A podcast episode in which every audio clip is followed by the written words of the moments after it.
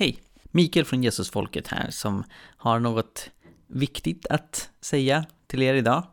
Open Doors kom nyligen med sin nya rapport om hur läget ser ut för förföljda kristna i världen. Och det var en väldigt skrämmande läsning.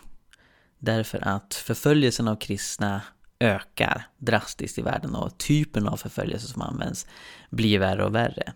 De senaste 20 åren så har Nordkorea toppat Open Doors lista på länder som förföljer kristna. Så Nordkorea har varit det farligaste landet att vara kristen i. Så är det inte längre.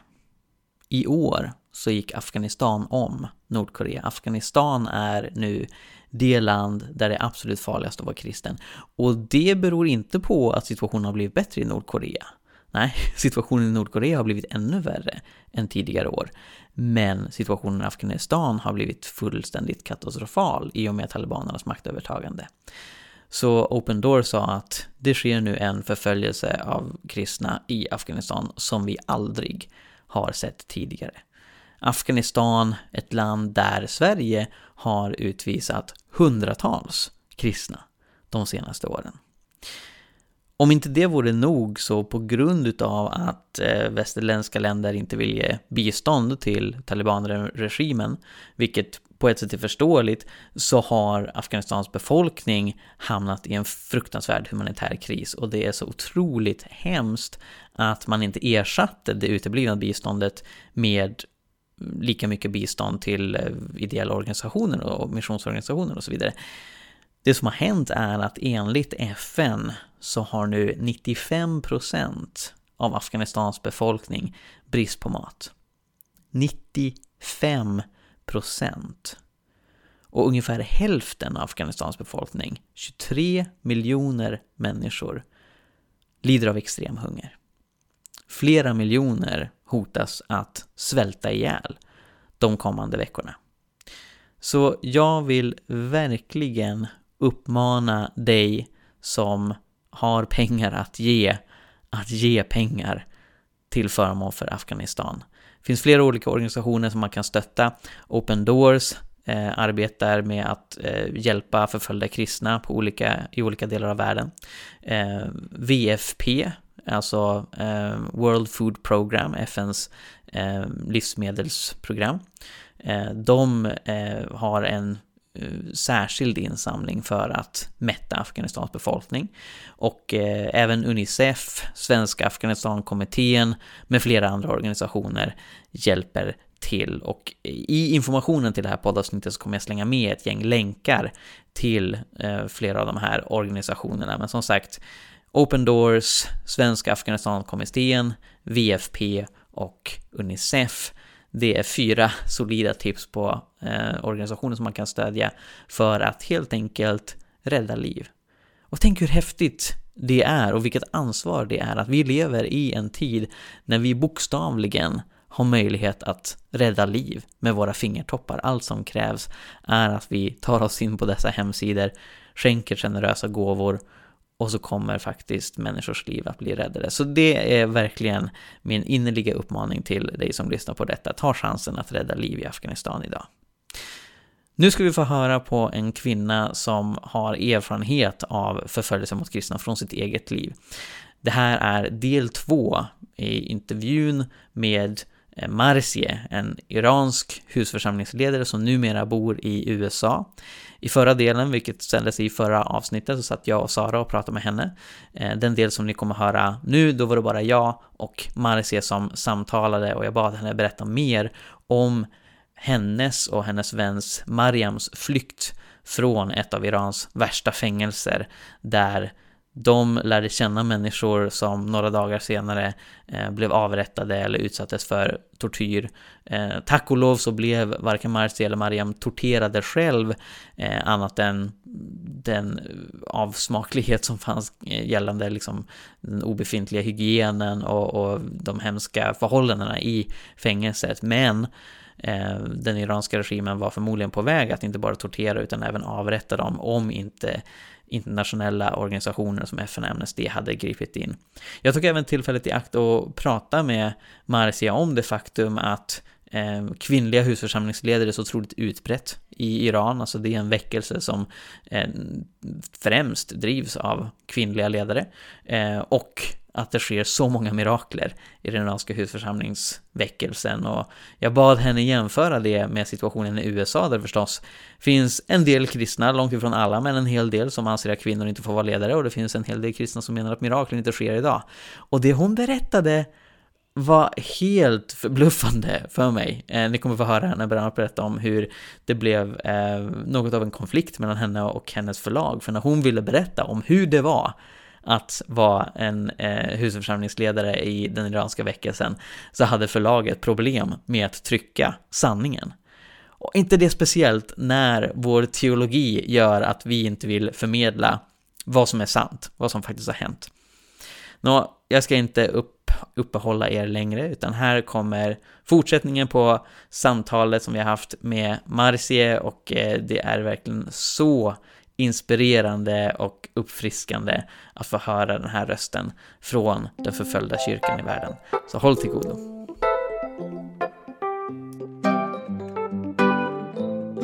Then I would like to welcome everyone back to our conversation with Marcie Amirazadeh. How are you doing today, Marcie? I'm doing fine. Thank you so much for having me again. Yeah, we're so excited. The the the first part of our conversation was such a blessing to Sarah and me, and unfortunately, Sarah couldn't make it today. Uh, but I'm really excited to hear more about what God has done in your life. Um, for those who perhaps haven't listened to the first part or need a refresher, we talked about how you come from Iran, how you became a Christian, and how you and your friend Mariam, you were spreading out thousands of Bibles in Tehran, uh, just using backpacks, uh, going from door to door and and uh, giving Bibles uh, to households. And uh, the Iranian government viewed this as a crisis and thought that it was the result of some huge operation. Um, and uh, you weren't caught for that, but eventually you were imprisoned uh, for other reasons and you were sent to the uh, Evin uh, prison in Tehran. And last time you shared uh, about how difficult it was in that prison um, and people that you got to know were tortured or executed and the conditions were really horrible now i wonder marcia if you had any hope or idea of getting out or if you viewed this as your last destination in in this life and expected to come to jesus through death? As I shared before, you know, um, I had dreams before getting arrested, and God informed me um, years before getting arrested about, you know, this experience. That's why, uh, based on those dreams that God told me that one day you will pass through prison experience, I knew that um, this is going to happen, first of all. And second, I knew that um, I'm not going to be executed. Uh, I had this assurance in my heart because of those dreams. But still, I shared with you that um, being in that horrible place, uh, you could not predict, you know, uh, everything. And sometimes I had my doubts, and I had so much fear what what will uh, what would happen to me. Um, but uh, praise God, you know, after almost nine months, 259 days being in prison, um, we got released. And I believe, first of all, I always tell that, uh, first of all, it was because of God's grace and power. It was Him who gave us the victory. And I shared in my story that how God did a lot of miracles among prisoners and even guards could see the power of God with us. There was a interesting story that uh, it was toward the end that uh, some uh, guards who were in security uh, guards and they were in charge of you know uh, beating prisoners, and everybody uh, would scare of even their names. And they came to prison and they wanted to meet us. And we didn't know what, what was the reason and why they wanted to meet us. And I was sick at that time. And all our cellmates were scared of that. And they said, usually they come to prison for, you know, uh, torturing and beating prisoners. Everybody got very concerned that why they wanted to meet us and they invited us to the office and um, there was a um, very religious um, man in that office when we entered and he asked everybody to leave the office. And from the beginning his behavior was very strange to us because he was a kind of you know shaking and shy and he was just sitting in front of us. At the beginning he couldn't even talk. And then later uh, he told us that i need to share something with you. And he shared about a dream that he had. And he said that jesus came to his dream and asked him to come to prison to meet with us and help us. At the beginning, we didn't trust him, we didn't believe him, and we were thinking that's strange. And he mentioned that this happened to one of his friends who was living in another city. At the beginning, Jesus went to his dream and told him to talk to him about us. And his friend called him and asked about if there are two Christians in, in prison, you should go and help them, meet them. And he didn't listen. And then Jesus came to his dream and told him uh, that you need to go to prison and meet with these Christians and help them. At the beginning, as I mentioned, we thought this is a trap. Uh, he wanted just to, you know, to show that he has changed and he wanted to help us uh, to make a trap for us. Um, but later he said that what what can what can I do for you? And we said, you know, we we need uh, these kind of things. He said, I can bring anything for you if you want. And we we said, okay, if let's let's tell him that what we need needed. And we asked for some vitamins and um, some clothes that warm clothes and he took all of them for us and brought to us. And later um, he asked to meet us again and he asked us to read um, he asked us if we read one verses in quran which is about jesus.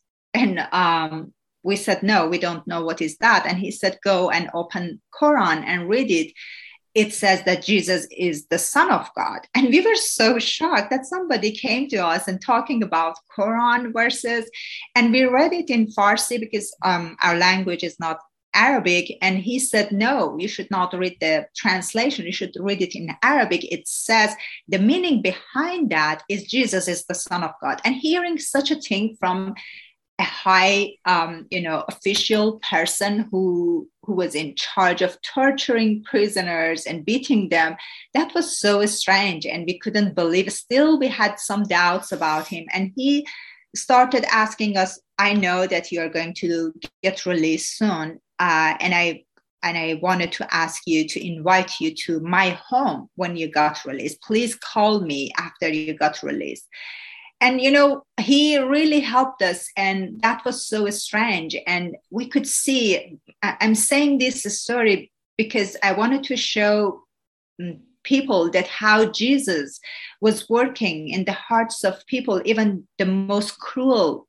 people, the mm. guards, and everybody, and they could see miracles. They could see how you know Jesus um, was protecting us, and that's why you know it, it wasn't us; it was Jesus who was showing his miracles, talking to people's heart, and changing the whole prison for us. And that's why I believe the main reason that we got released, it was because of him and his power. It was him who was behind us. It was him who gave us the victory. He was our hero. He was the one.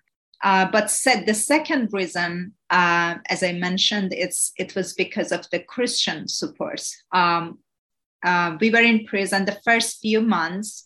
Uh, we thought that we totally forgotten by the word outside because we were not allowed to have a lawyer for six months. Uh, we were not allowed to call our family members and let them know that we were in prison.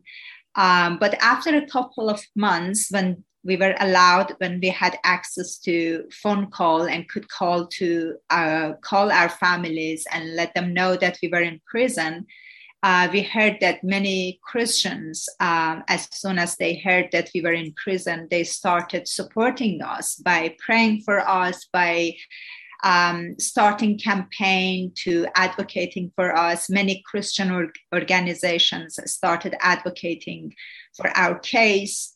And also, we heard through guards that uh, we were receiving a lot of letters um, from uh, Christians all around the world. People started a campaign uh, to send letters to prison um, to encourage us. And some guards came to us and they told us that we were receiving a lot of letters. And one of them actually was very angry and he told us that your letters are even more than our official letters.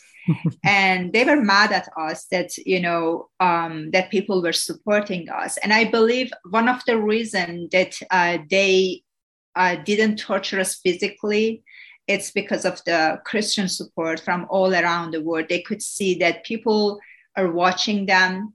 And that's why in those cases they usually try to be nicer because they know the the case got attention by the world that's why they they are cautious not to do something wrong. And as a result of all those supports their behavior started changing with us and they try to be more respectful. And um, at least i can say they you know they didn't torture us physically.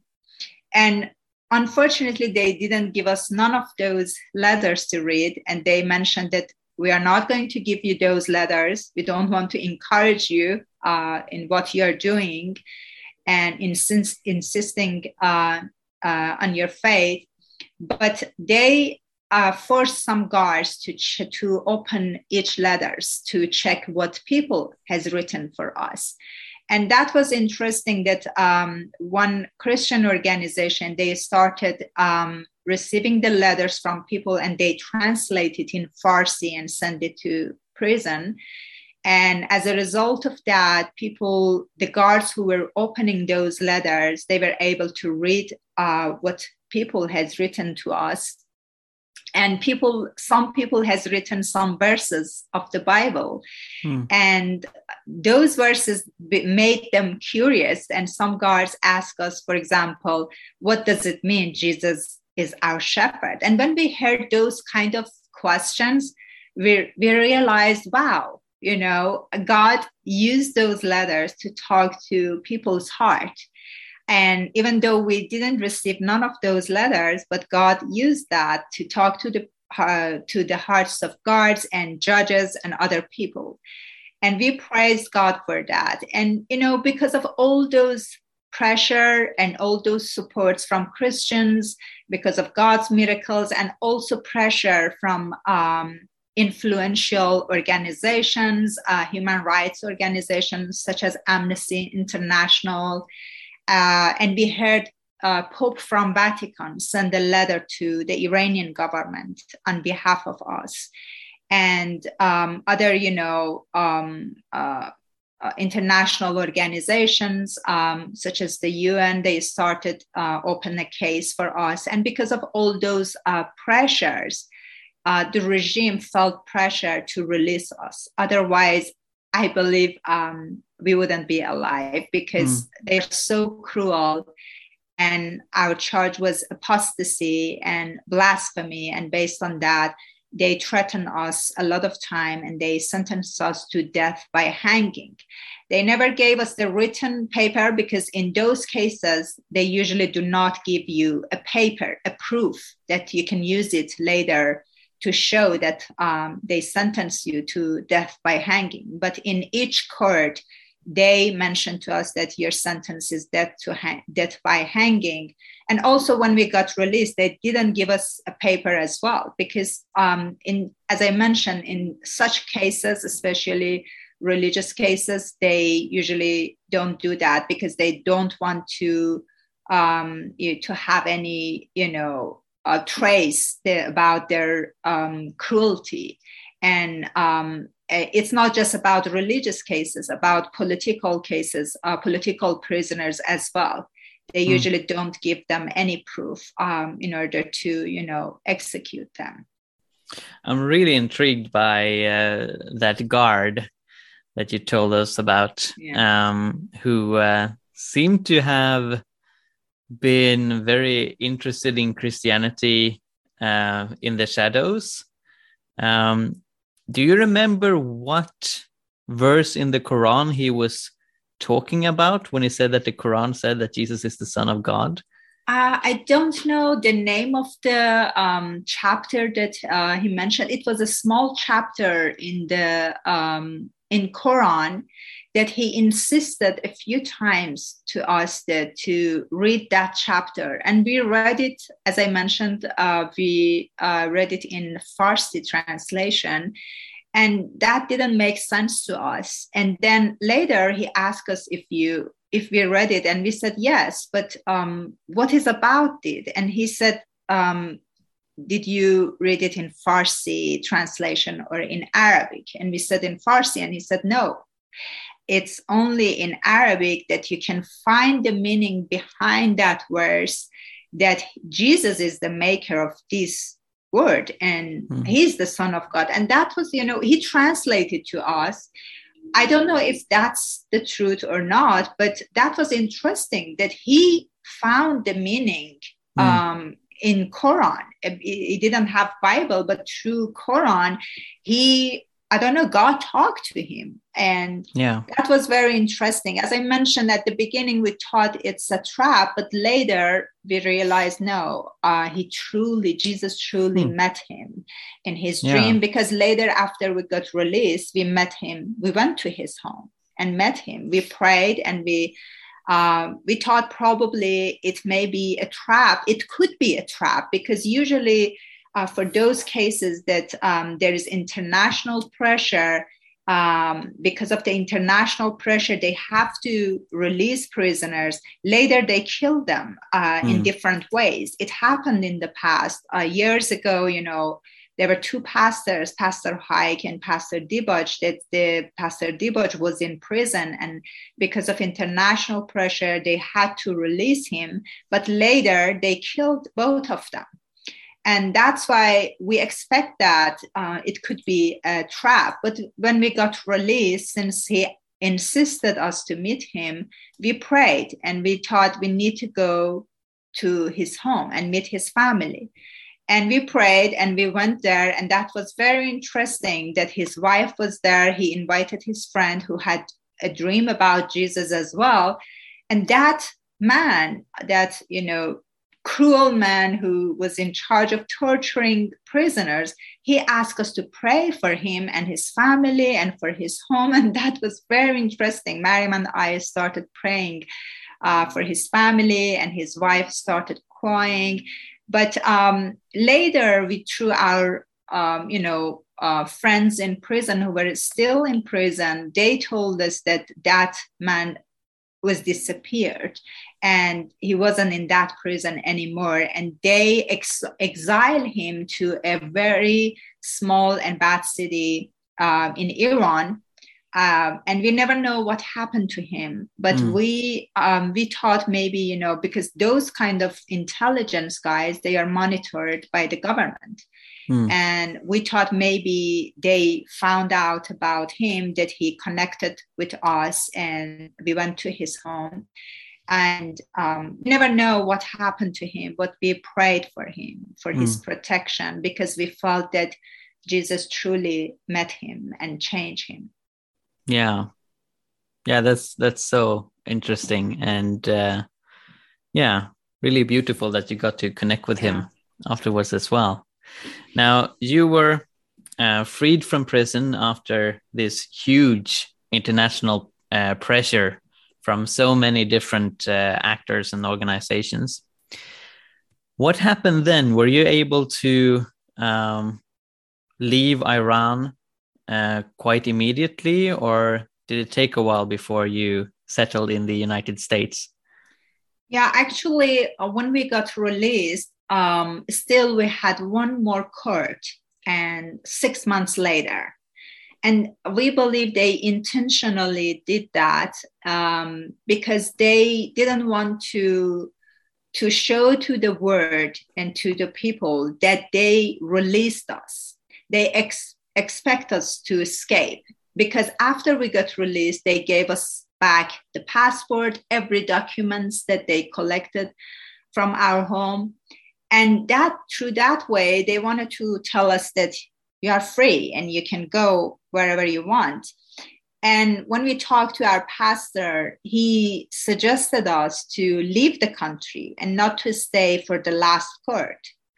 Um, but we prayed and we felt, no, we are not going to leave the country. We are going to stay and stand in our last court because we wanted to make them to tell us that we are going to release you.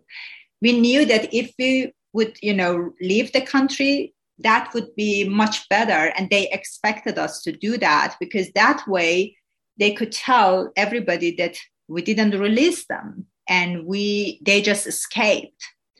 And that's why the after six months we waited for six months in iran. We prayed and we packed our you know bags again because we expected uh, them to take us back to prison again. Um, we didn't deny our faith and based on sharia law the sentence for someone who convert from islam to any other religion is death by hanging and that was difficult for them because if they wanted to say that we are going to release you, it was against their rules, against the Shar- hmm. Shar- Sharia law. And many Ayatollahs were mad at our case at that time and they put pressure on them to sentence us to death um, to show other people that this is going to happen to everybody who convert from Islam. That's really That's, interesting, Marcia, because uh, uh, you know, I, I would assume that it would be more embarrassing for the Iranian regime to admit that somebody escaped from their high security prison than that they released the prisoner, especially due yeah. to this international pressure. But then, of course, it would be admitting that Iran wasn't yeah. following Sharia law.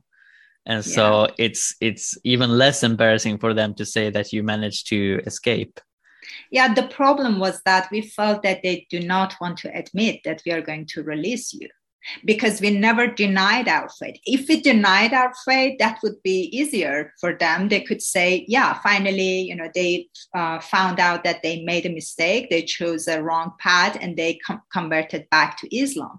But since we, in every court, we insisted on our faith, that was very difficult for them to make a decision. That's why they preferred us to leave the country. And when we showed up in the last court, you know, they didn't like that. And uh, in the last court, there, there were five judges, and we were in front of five judges. And the head of the judges, he knew he, he, he was from the government. Uh, I don't know what they told him because the other judges didn't know much about our case. Uh, they knew what is our case, but they wanted to ask to, to start asking questions. But that was very interesting that as soon as one of the judges wanted to ask us question about our faith, the, the head of the judges stopped him and didn't allow nobody to ask any questions because they, they knew that if they ask question again we would insist that we are christians and Jesus is the Son of God. And that would be such an embarrassing for them when we say those kind of things in the court and they say okay, we are going to release you.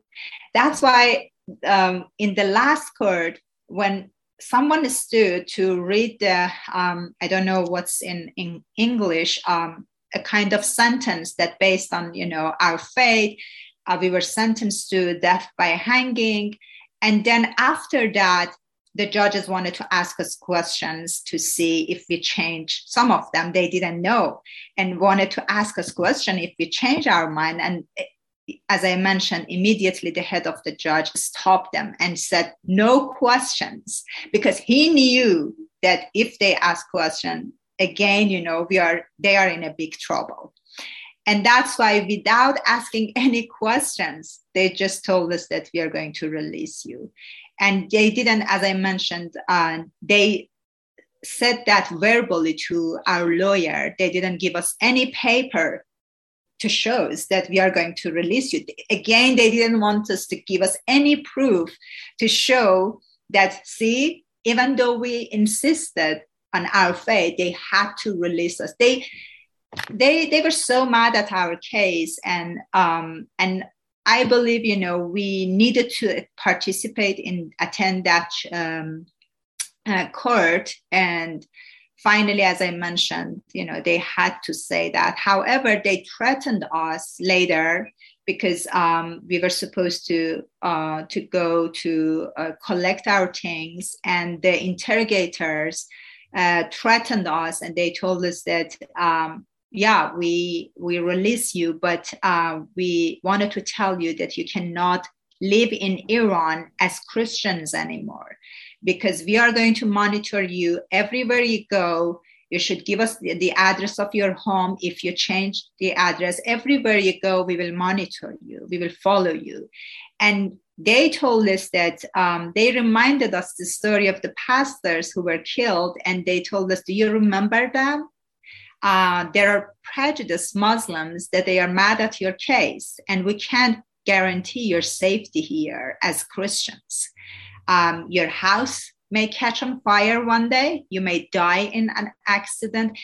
You know in indirectly or directly i don't know they told us that even though because of the international pressures we had to release you but you are not safe here. We, there are other mm. ways that we can kill you that's why you know after participating in the last court mariam and i prayed and we felt we can't live in Iran anymore because um, we we could see them every every time we went outside. We could see a car was following us, and hmm. they were mon- monitor uh, monitoring our phone conversations. They were following us everywhere.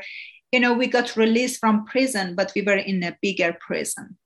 That's why we felt that our mission uh, was end in Iran, and we needed to leave the country. And that's why after participating in that uh, court, we, we left the country and we went to Turkey. You went to Turkey and yes. now you're residents of the United States. Uh, what made you go there? Why not Sweden? That's actually the process of, you know, um, those who wanted to immigrate to another country uh, they usually go to uh, Turkey and uh, some other countries like Armenia because um, for traveling to those countries, you don't need to get a visa. And we went there to apply through the United uh, Nation to, to, to immigrate to the United States as a refugee. That's the process. That's why we went to Turkey and we were there for almost a year and we decided to write uh, our memories and uh, the stories because we knew that if we wanted to wait longer probably we will forget you know some details uh, immediately we started to write our memories because when we left the mm, left prison uh, it was a joy that god gave us a victory but um, but uh, on the other hand, you know, we were sad because we were leaving our friends behind, and we promised to our to our friends, to God, that to be a voice for them, never forget them, uh, never forget their situations, because there are many uh, innocent people in that horrible prison, and they are facing, uh, you know, horrible things. That's why we immediately started writing uh, our story, sharing our story, and beside that, sharing uh, the story of many innocent women. Do you think you were helped by the fact that uh, your case and your situation had received this much international attention when you applied for asylum? Uh, yeah, when we moved to the United States uh, after a couple of years, uh, we were able to publish our book, and God gave us a big platform. And we started sharing our story, encouraging people uh, in their faith, uh, to have a personal relationship with Jesus. And beside that, we encourage many Christians uh, to not forget, not to forget their brothers and sisters. We wanted to tell them that how much their support uh, changed our situation. Even one letter, you know, maybe each person thinks that you know I can't do anything for those who are um, in persecution, but we should know that you know small things can make a big difference for people who are living under persecution. And we should um, never forget them. And by praying for them, whatever the Holy Spirit, you know, guide us to do that. Um, when we were in prison, we could feel the power of prayers um, through people. We heard many Christians not only supporting us in different ways, uh, they were praying us um, and we could feel the power of God through their prayers. And God here, we have power in the name of Jesus. We should not forget that. And God hear our prayers. Even by praying for those who are in persecution, we can make a big difference.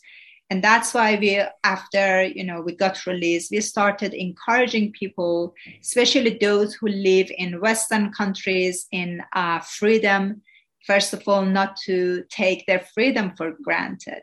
And um, we have a responsibility. Uh, we, as a Christians who are living in freedom and have access to Bible, to the churches, um, we have a responsibility about those who are living in persecution. We should never forget them. And beside enjoying our freedom, uh, we need to do something for them and um, that's why we promised ourselves um, you know uh, when we moved to a free country to the united states to not forget our brothers and sisters who are living in persecution to mm. be a voice for them to talk to many people to inform people. And we talk to many politicians. We try to let them know about the violations of human rights the persecution of christians in Iran and other countries. And through that way, we try to, God gave us that platform to be a voice for those people who do, who do not have a voice. Hmm.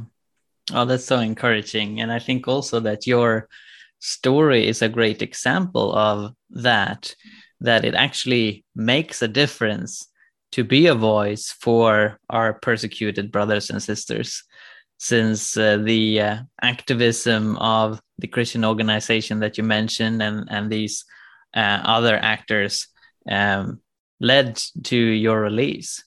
Um, so, how can one do practically to gain information about the persecuted church and also raise a voice uh, for those who are persecuted? Yeah, I know that um, there are a lot of Christian organizations uh, in the United States, in Western countries, that uh, they support uh, those who are living in persecution. And people can easily go to the, their websites and check, you know, about those stories and people who are in prisons. And they can start, you know, uh, getting involved and just pray, as I mentioned, um, I, I don't want to say uh, what exactly they can do.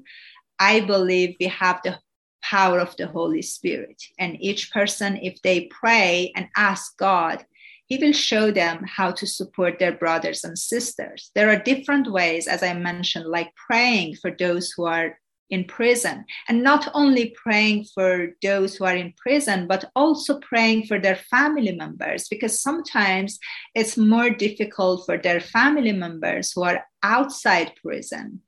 And um, pray for them to to be stronger to stand on, on their faith to be the light in those dark dark, dark places and by supporting them financially by writing letters as i mentioned if they check some christian organization like like the voice of the martyrs i know that they mm. support a lot of persecuted christians yeah. and they they were the one who started the campaign to translating um, the letters to farsi there are you know a lot of christian organizations like them they do such a thing and people can write uh, encouraging letters they and pray for that letter who knows who is going to open that letter and also the, if people has connections with the uh, government officials they can you know talk to them inform them urge them to support uh, persecuted christians. There are many ways uh, you know god can show us that we can get involved uh, I believe we as a Christian, as, as, I mentioned, we have a responsibility to do something. If we don't do for, for us that we live in a free countries, if we don't do anything, there is something wrong with us because Bible says that we are all part of one body. If one part suffer, every part should suffer with that. Uh, that's why we can't ignore those people who are suffering because of their faith we have to do something. As I mentioned, if we don't, there is definitely something wrong about our faith because we are ignoring our brothers and sisters. We are ignoring other parts of this body. And beside enjoying freedom, beside appreciating what we have uh, in the free countries, we need to do something.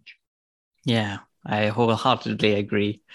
For our Swedish listeners, I can highly recommend the organization Open Doors. I know that they have a branch in the United States as well, as well as yes. other countries probably.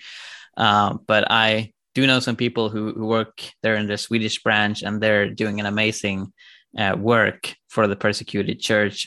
I also know of the organization Back to Jerusalem. Perhaps you have occurred to them too, Marcia.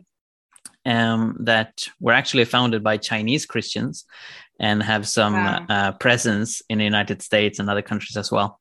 Um, so yeah, as you said, uh, there are some really good organizations doing this, and we can also pray uh, wherever and whenever uh, for exactly. the persecuted church. Now, last time we talked about some contrasts that you saw when you came to the uh, United States, uh, comparing the Iranian church uh, the underground persecuted church with the more um, perhaps uh, affluent and, and privileged uh, church in, in the West. And there are some other aspects of those contrasts that I would like to ask you about. Uh, you made it very clear that God is a God of miracles, that God has done amazing miracles in your life, and that those miracles were instrumental to you finding Jesus in the first place you've shared that God is doing a lot of miracle in Iran. Have you encountered Christians in the United States who claim that miracles don't happen today, that they cease with the apostles and are not a thing anymore? And if you have encountered that claim, what do you make of that? How, how, how would you argue against that? Yeah, you're right. You know, actually, um, yeah, I heard from some people. For example, uh, one of the um, one of the things that we faced was about um, our gift uh, praying in tongues. Uh, that's something that we heard that uh, a lot of people do not believe that, do not believe such a thing. They think that that was something that happened to apostles at the, in the beginning and it was for them but i myself i shared my story that i experienced that. And i had this problem uh, when we, we were we wanted to uh, publish our first book. Actually we had this discussion with the publisher. Um, even though they were christians they told us that they wanted to omit that part of my story my experience with the holy spirit because they mentioned that there are many people in the United States who do not believe such a thing. And um, they were more concerned actually about the marketing, that those people who do not believe such a thing, they are not going to buy the book. I had a big discussion with them and I told them, huh. I sorry, I don't care who believes or not believe. This is my story and I don't care about marketing um, what I care is about telling the truth. And yeah. I'm not going to, when I say um, my story, my experience with the Holy Spirit, it doesn't mean that I'm teaching people that everybody should have that gift because Jesus promised us a lot of gifts in the Bible. praying in tongues is one of those gifts that I received that. And I'm very grateful for that gift because it helped me, as I mentioned, me and Mariam when we were in prison. I'm not teaching that, that if people, some people do not have this gift, they are not Christians. This is my story. And uh, not only, you know, I had this um, struggle uh, with the publisher, and finally I won. And I told them, if you are not going to not omitting this part, I'm not going to publish this book. And also in some churches, when they invited us for a speaking, they told us before speaking, some of them came to us and told us, Would you please not talk about uh, the Holy Spirit? And we were shocked. And we were so, oh, excuse can, can me. you please not speak about the Holy Spirit in this church? If Thank you, you. if you omit the Holy Spirit from Bible, the rest is just religion. What Jesus told us that I'm going to give you the power of the Holy Spirit. Without Holy Spirit, there is no spirit Yeah. um, in having a relationship with God. And you know, we face those kind of things and we refused And that was very interesting. Exactly in those churches that we shared, I shared about my testimony, my experience with the Holy Spirit. People came to us and they were in tears and they shared with us that they had the same experience with the Wow. Holy Spirit, but they Wow. had fear to share it with other people because people, there are many people, unfortunately, some Christians that do not believe such a thing.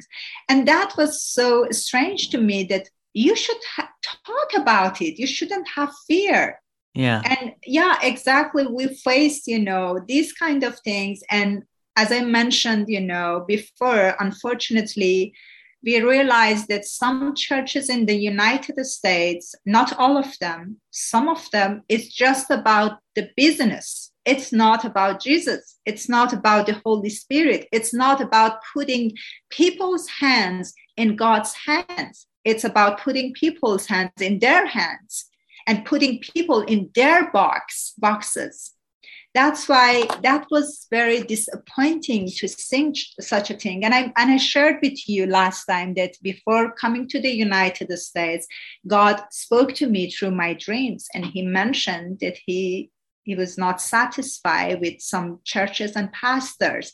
And later I mentioned to you that when I started speaking in different churches, I, God showed me wh- why. Because it's it's about just you know business doing business with the name of jesus and that was very disappointing to to saw and to face such a thing uh, in those churches Hmm. That's so fascinating. And yeah, it's it's quite absurd that a Christian book publisher doesn't want you to tell the truth, tell what actually happened, and that churches don't want you to t- tell what the Holy Spirit has done in your life.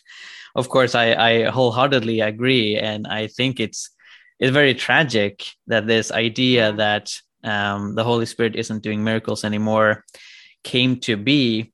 As I understand it, it was simply the consequence of um, the reformer Jean Calvin in uh, uh, 16th century Switzerland not experiencing miracles personally. Mm.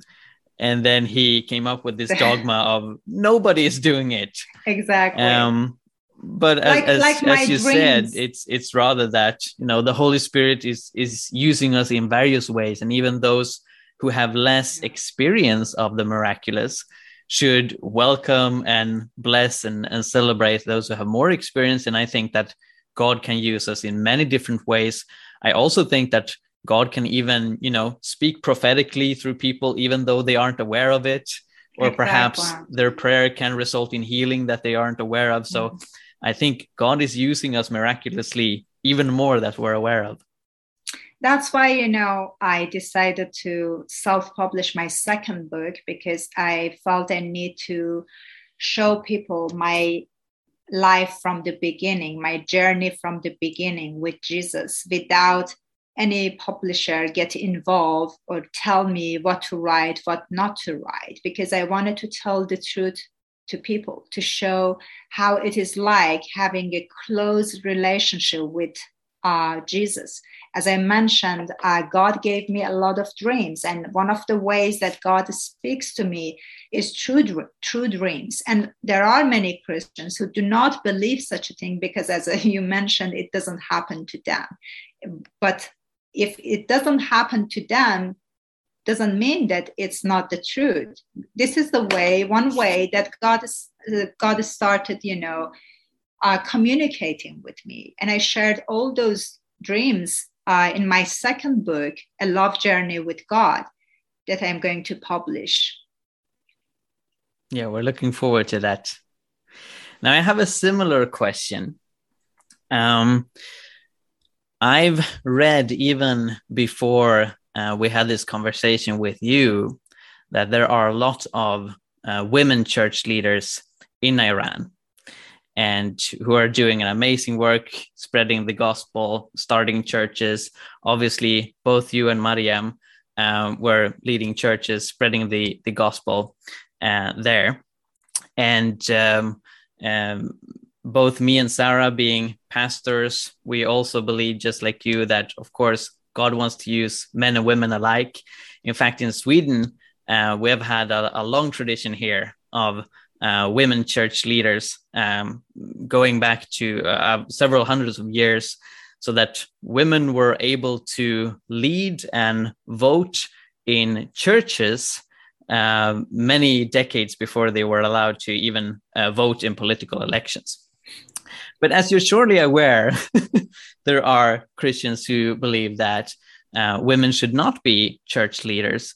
And in fact, we have noticed here in Sweden that uh, especially among younger um, men uh, within the church, they get a lot of their um, influence uh, from uh, American pastors on YouTube uh, with pastors like John McCain and John Piper, uh, who argue that women should not be leaders. So, just like you encountered this idea that miracles don't happen anymore, have you encountered this idea that women aren't allowed to be church leaders and how does that sound to you based on your experience uh, of the revival in iran you know i know that um, some christians um, they are very you know religious people who believe um, such things but these are i believe these are human uh, humans rules not god rules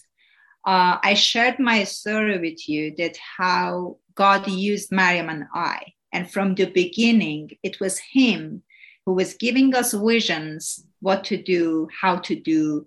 And we started, although we listened to God and we obeyed, and we did that, and we made a big difference in, in a country like Iran.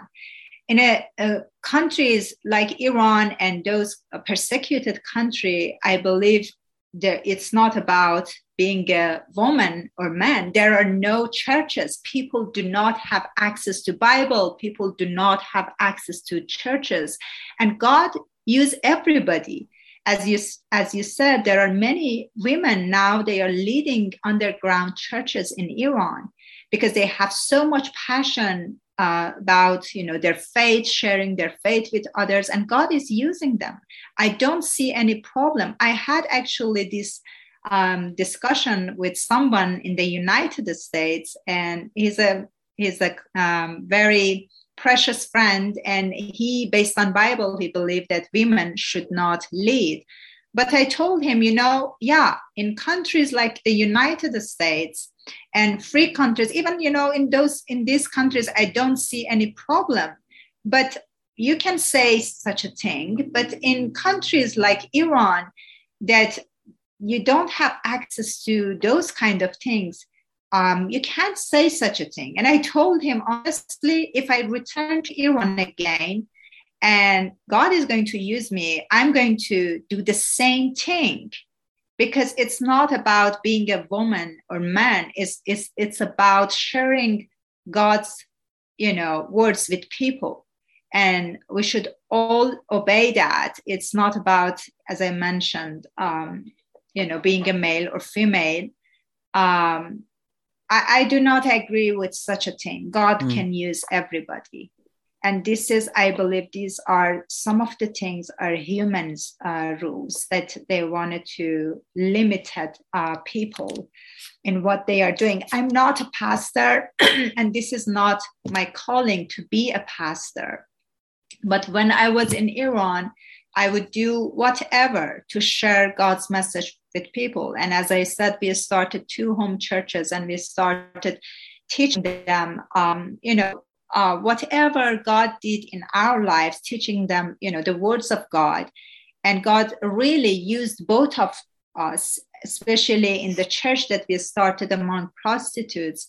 They were all women, and we were women too. And we were a good example to them to encourage them how to obey God, how to not commit sin. And God used us.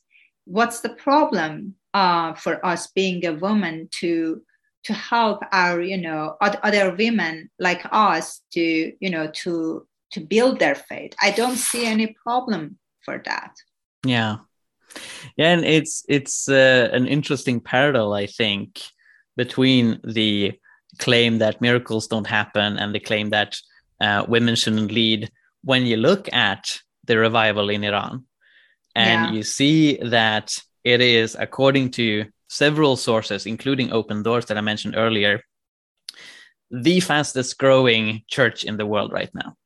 So exactly. the underground church in Iran, it's growing explosively. And one can see that that growth is driven by charismatic church leaders, many, if not most of whom, are women. So it is obvious that God is using women in Iran because that's how the gospel is spread to so many people. And they are leading churches and they are planting new churches. And to then claim that A, God doesn't use miracles, and B, God mm. doesn't use women. That's basically claiming that's what's happening in Iran right now is not happening, but obviously it is. Mm. And obviously, God is using men and women alike to do his purposes, just like he did in the Bible. And women uh, are more passionate. Uh, we found them more passionate about their faith. And women also are, you know, the main center in the families. When a woman comes to God, he can bring the whole family to God. And that's why God is using them. Mariam and I were two women that God used us in a miraculous ways, not only to start those, uh, leading those underground churches, but we distributed 20,000 New Testaments in Tehran and some other cities. And as a result of that, that we are seeing that how God, you know, used is using those, you know, seeds that we planted and they are coming to Christ. One story is that, you know, uh, when we started planting uh, those seeds and by distrib- distributing Bibles, uh, we had a speaking in Australia. And in one of um, that those meetings, um, one Iranian uh, family came to that event, and from the beginning they were crying, listening to us, and we were wondering why they are all the time they are crying. They have tears in their eyes, and at the end they came to us, and it was a surprise for us. Uh, the pastor of the church knew that, knew the story, but we didn't. And they came, and they told us that uh, the same year that we were distributing the Bibles uh, they found a Bible in their ma- mailbox and she found it and she said that her mom, as soon as she found it, her mom told her throw it in the in a trash can. But she kept that. She was curious to read that book. And as a result of one book and she kept that the whole family came to Christ. And later, her fiance and her mom and the whole family, and they immigrated to Australia. And she said that she always prayed and wanted to see who uh, put that uh, Bible in their mailbox and we had an interview radio interview in australia and their mutual friend who was australian he listened to our interview and he found out that we were in australia and we were the one that uh, were dist- distributing the bibles uh, at the same year that they came uh, they found that bible. And they, he informed them that we were in Australia, and that's why they came to that event and they cried and they thanked us. And God wanted to show us that how He used, you know, one of those Bible that we, you know, put in their mailbox and we obey by obeying God, that how many people came to Christ as a result of just one Bible. And she was a woman. Mm. And she kept that Bible. She talked to the whole family after reading the Bible, and the whole family came to Christ. Wow. Oh, that's so amazing. Yeah. Now, Marcia, a final question. Uh, would you like to share with us what lies ahead in your life? Yeah, it's a um, it's a journey. Actually, I um, I'm working, as I mentioned, I'm working on my second book that I'm going to publish it soon, uh, probably in February after finishing all the process. The name of the book is a um, is a love journey with God, and it's from pain uh, to love, from mm captivity to freedom from Iran to the US. And I shared all those stories and my journey, my walking with Jesus from the beginning. And I hope this book is going to be a blessing to many Christians all around the world. And beside that you know the journey is not ended here. It's continue. My journey with jesus is continue and he keeps talking to me um, through my dreams. And each step he tells me what to do. And uh, even for writing my second book it was the holy spirit uh, on easter that put in my heart to share my whole story. Because uh, the first book, Captive in Iran, is just about nine months being in prison. But God wanted me to share my whole story from the beginning because people didn't see that how I was living with Jesus from the beginning that you know end up in prison standing on my faith it's very important to see that uh, how i build that relationship with jesus that helped me to stand up for my faith uh, when i faced execution by hanging. And beside that, um, I'm going, uh, God uh, called me to get involved in politics. And I'm going to run um, in 2022 for uh, Georgia, Georgia House of Representative. And that was another thing that God put in my heart uh, to stand up um, um, in politics and get involved in politics. I know it's going to be a tough path, but I believe when God calls me to do something, I know there is something behind that. And we are in a very critical time right now um, about what's happening in the uh, in uh, Western countries, in free countries that uh, people, unfortunately, uh, most people, uh, especially in politics, um, the leaders what they care is um, about their money and power. Mm. I believe God is going to. It's not just being uh, being elected and get involved in politics. It's something bigger than that. My primary goal and mission in everything I do, even in politics, is to plant seed uh, for God. In is to glorify the name of Jesus, and I believe God is going to use my campaign and this path um, for His glory. And He is my honor in everything I do. I give the honor to Him. Um, he's whatever I have. I'm so proud of, you know, uh, walking with uh, Jesus. And God is using, um, this time, God is taking me to a different path for a specific uh, purpose. And I trust Him. Uh, and my um, joy is that by sh- starting this campaign, uh, my primary goal is that when I knock on the doors to talk to people, first of all, to plant seed for Jesus.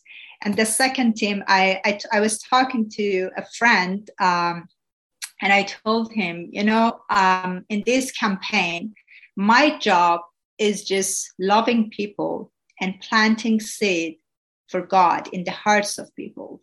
But winning the election is God's job. He's this is Him who is going to give me the victory. And actually, the beginning, he gave me dreams. He directed me to specific district for running. I didn't I didn't choose this district. It was him again that directed me here, and I believe he had a purpose for bringing me here. And I trust him, and I appreciate your prayers uh, in this. Yeah. Oh, this is so exciting. Yeah. Marziyeh, thank you so much for sharing uh, all these things about your life and what God has done in them. It has been so encouraging for me, and I trust that it's very encouraging for the listeners as well. So, thank you and God bless you. Thank you so much. God bless you too.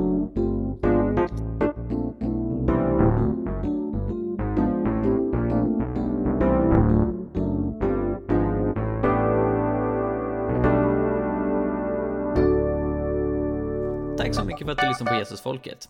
Om du vill höra mer så se till att prenumerera på iTunes, Spotify eller valfri podcastapp. Du kan också lämna en recension, vilket är en eh, liten grej att göra som hjälper oss väldigt, väldigt mycket, så det uppskattar vi verkligen. Ehm, du kan också läsa vår blogg, Hela Pingsten. Vi har mängder med artiklar där om andens gåvor, evangelisation, fred, rättvisa och allt möjligt annat som har med lärjungaskap att göra, så kolla in det. Och vi finns på sociala medier, du kan följa både Jesusfolket och hela pingsten på till exempel Facebook. Tack så mycket, Gud välsigne dig och eh, fortsätt vara en del av Jesusfolket.